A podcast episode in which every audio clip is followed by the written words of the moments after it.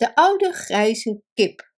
O jee, ik ben het zat, zei de oude grijze kip. Wat een leven is dit! Het is niet uit te houden. S morgens bij het aanbreken van de dag, in antwoord op de oproep van die kraaiende haan, krab ik de hele ochtend met mijn poten in de grond naar wormen. Daarna ga ik op het nest zitten en laat daar een mooi ei achter. Maar binnen een half uur komt er iemand die mijn ei pakt en ik zie het nooit meer terug. En dan leg ik elk voorjaar een heleboel eieren en moet ik heel lang op het nest blijven zitten, tot de eieren tot kuikens zijn uitgebroed. En vervolgens moet ik dan wekenlang met mijn poten in de grond krabben op zoek naar eten, voor zowel mezelf als voor hen. Ik zie geen enkel hel meer in dit soort leven.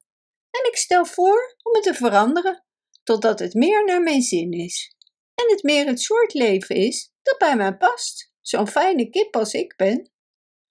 Net toen de grijze kip klaar was met tegen zichzelf te praten, kwam oude vader Gans voorbij. Wat is het probleem van morgen? vroeg hij. Waarom al dat fladderen, spetteren en sputteren? Je zou denken dat er heel wat aan de hand was. Dat het hele boerenerf op zijn kop was gedraaid en het koren in de lucht was gevallen.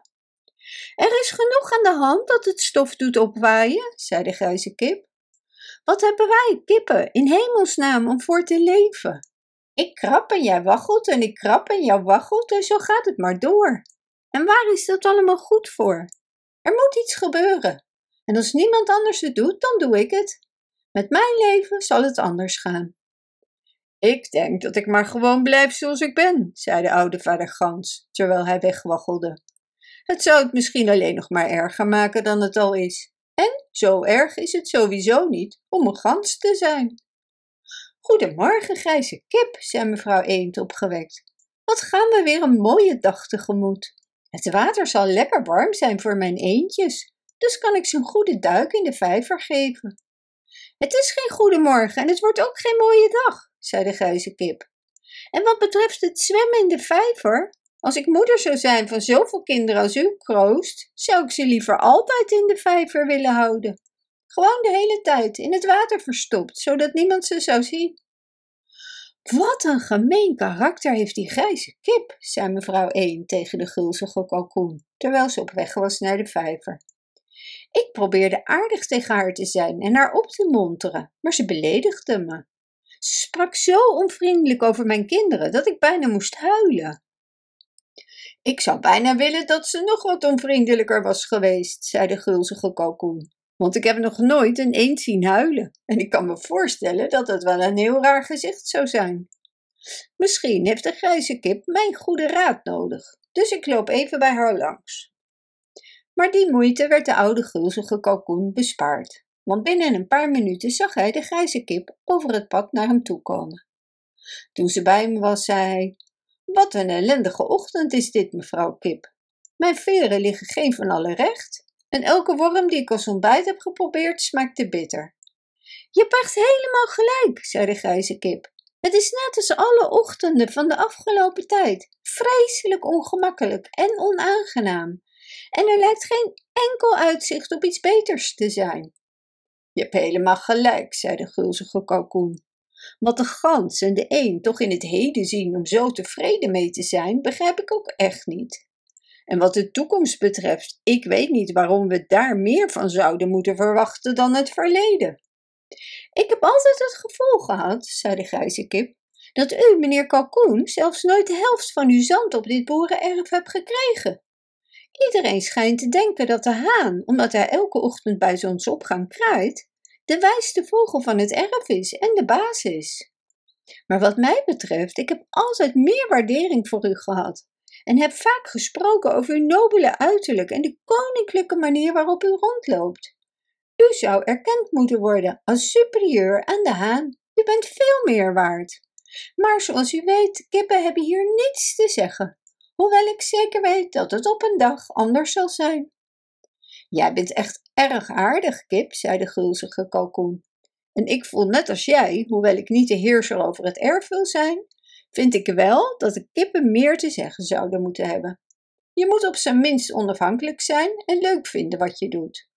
Oh ja, dat heb ik al lang besloten, zei de grijze kip. en ze vertelde hem hoe ze had besloten geen eieren meer te leggen en zo weinig mogelijk te krabben. Nou, zei de gulzige kalkoen, ik moet er maar eens vandoor, om ervoor te zorgen dat er geen kalkoenkippen zo ver het bos ingaan dat ze de weg terug niet meer kunnen vinden. Hm, ik heb zeker het soort advies gegeven dat ze wilde, zei hij tegen zichzelf toen hij uit haar gehoor was verdwenen. En dat was makkelijker dan ruzie maken. En bovendien voelen ontevreden mensen en kinderen zich altijd zoveel prettiger als ze denken dat anderen net zo ongelukkig zijn als zij.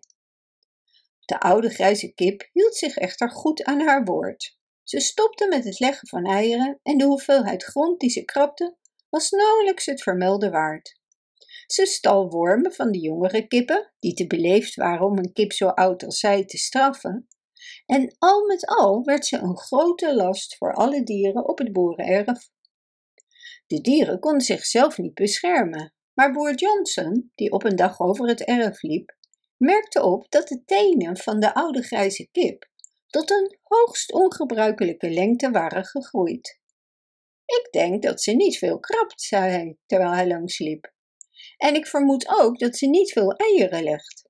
Ik zal het eens aan moeder vragen als ik weer thuis ben.